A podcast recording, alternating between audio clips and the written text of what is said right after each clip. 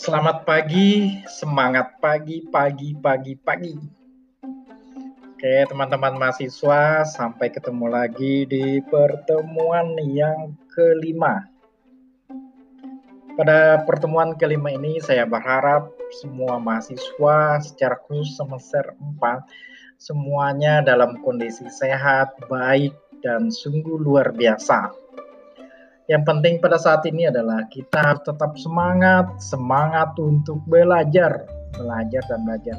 Saya bisa memahami bahwa kita akan mengalami kesulitan secara khusus misalnya saat ini karena belajar pakai online, terkadang kita kuota kita habis atau tidak punya uang untuk beli pulsa ya dan lain sebagainya. Kita punya masalah yang sama.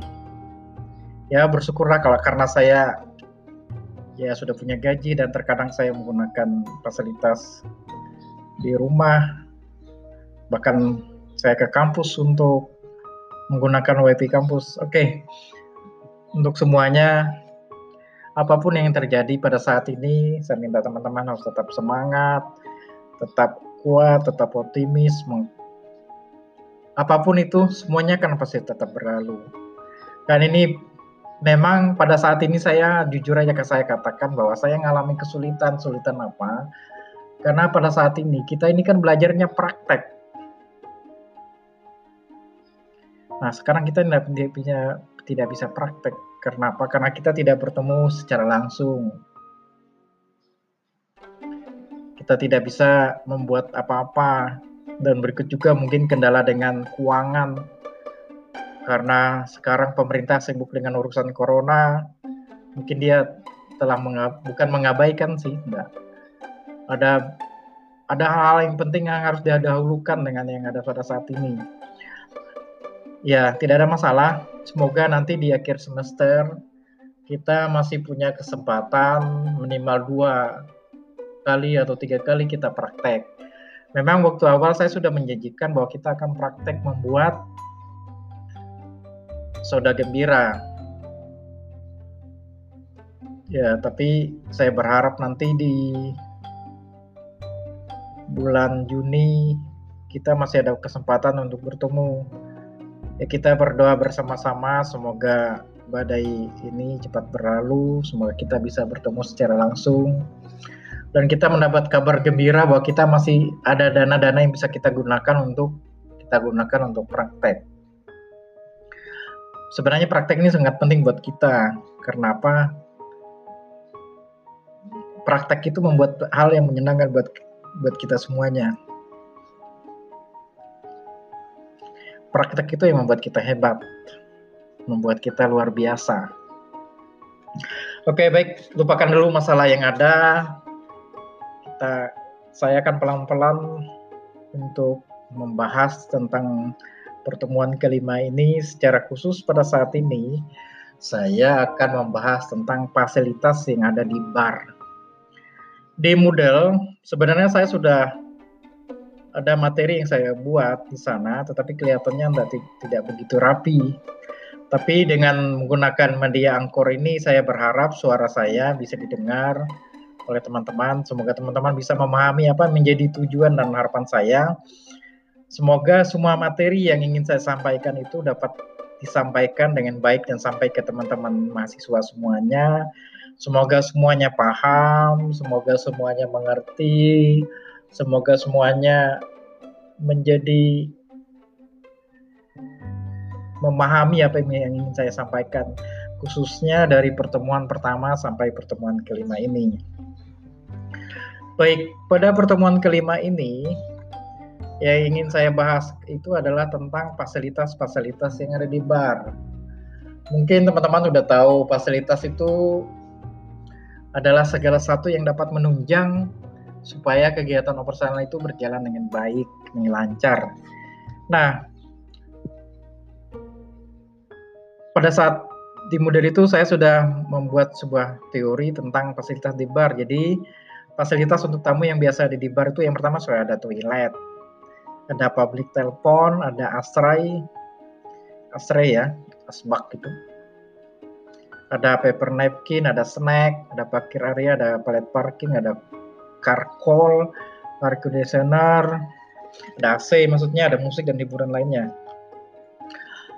Untuk yang karkol, saya pikir zaman sekarang sudah tidak ada masalah lagi karena kita bisa menggunakan media online, entah itu menggunakan Gojek atau Gokar atau menggunakan masalah lain, ya ada Maxim dan lain sebagainya. Saya pikir tidak masalah, bahkan ada yang bisa boleh menggunakan kendaraan pribadi juga kan untuk pergi ke bar. Oke, itu adalah fasilitas yang ada di bar, oke, ya. Jadi saya ulangi lagi, fasilitas yang ada di bar adalah toilet, public telepon, ashtray, paper napkin atau snack, ada parking area atau palet parking, ada car call, air conditioner, musik dan hiburan lainnya. Oke, berikutnya adalah layout atau wujud fisik bar atau bar design. Nah, yang pertama itu adalah ada bar counter jadi bar counter adalah so, yaitu suatu penghalang bagian depan yang fungsinya sebagai pemisah antara tamu dengan pekerja bar dan biasanya dilengkapi dengan bar stool kursi tinggi ya di depannya untuk para tamu yang duduk. Tinggi bar counter idealnya itu adalah 110 cm. Ya, 110. Agak lumayan tinggi ya. Kalau orang pendek kesian juga nanti tidak bisa kelihatan. Oke, berikutnya ada space banyak bar yang punya space atau jarak terlalu kecil yang idealnya adalah antara bar counter dengan bar cup botnya itu atau back wallnya itu antara ya kurang lebih sekitar 1 meter atau 100 cm sampai dengan 125 cm ini memudahkan jangkauan bartender untuk mengambil sesuatu untuk keperluan operasan atau kegiatan personal seefisien mungkin Nah, berikutnya ada flooring atau lantai. Bahan yang terbaik untuk lantai adalah yang mudah dibersihkan, dikeringkan, serta tidak licin untuk menghindari kecelakaan kerja pada saat kegiatan personal. Memang kalau kita bicara lantai ini sangat rawan sekali. Kalau misalkan rawan, makanya pada saat ngepel itu benar harus benar-benar kering.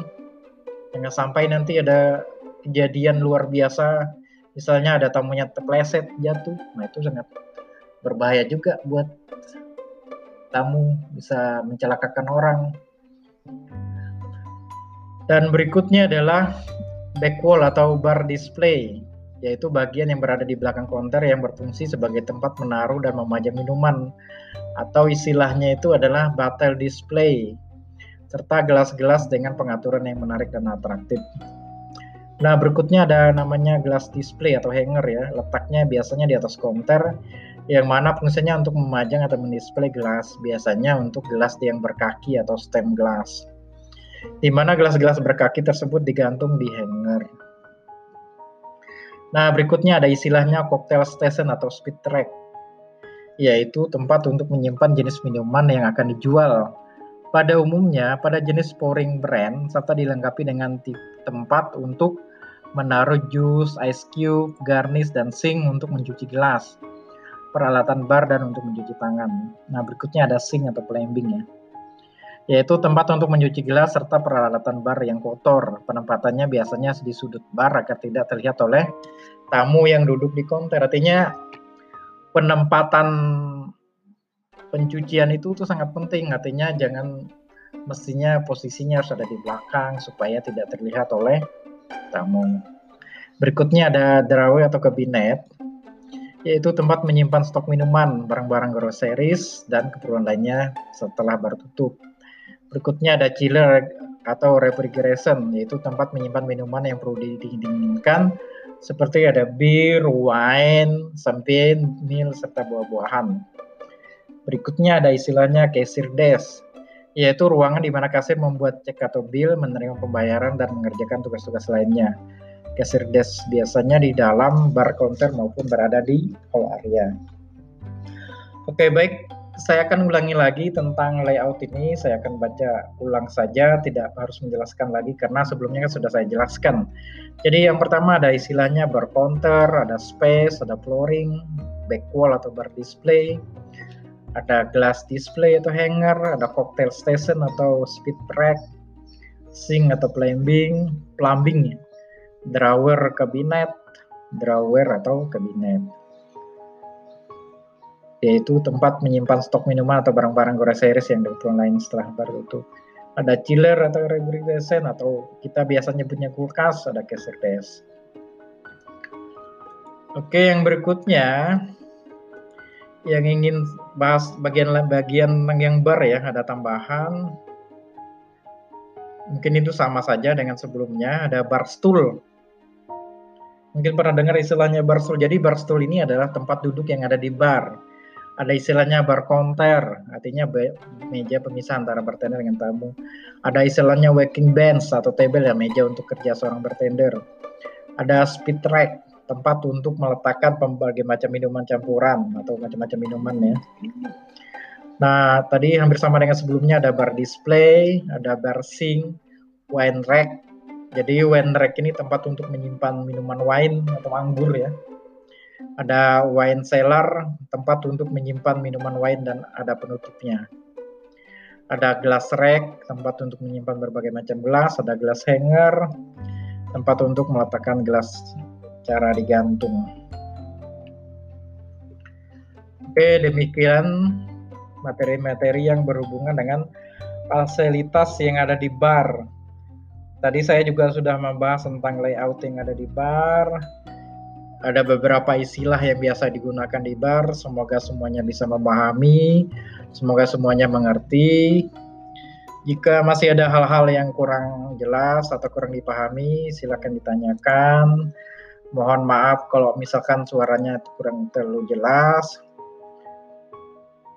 Jika ada hal-hal yang ingin disampaikan, silakan. Kalau ada masukan juga boleh, ada saran juga boleh mau sharing tentang pengalamannya tentang di bar juga boleh, tidak ada masalah. Saya siap menerima masukan dan saran. Oke, teman-teman semuanya, terima kasih atas hari ini. Terima kasih mau mendengarkan suara saya. Semoga kita semua dalam kondisi tetap sehat, tetap semangat, tetap kuat untuk menjalani aktivitas kita dengan sebaik mungkin. Dan kita selalu berdoa semoga bencana atau peristiwa ini tetap berlalu, tetap lewat ya.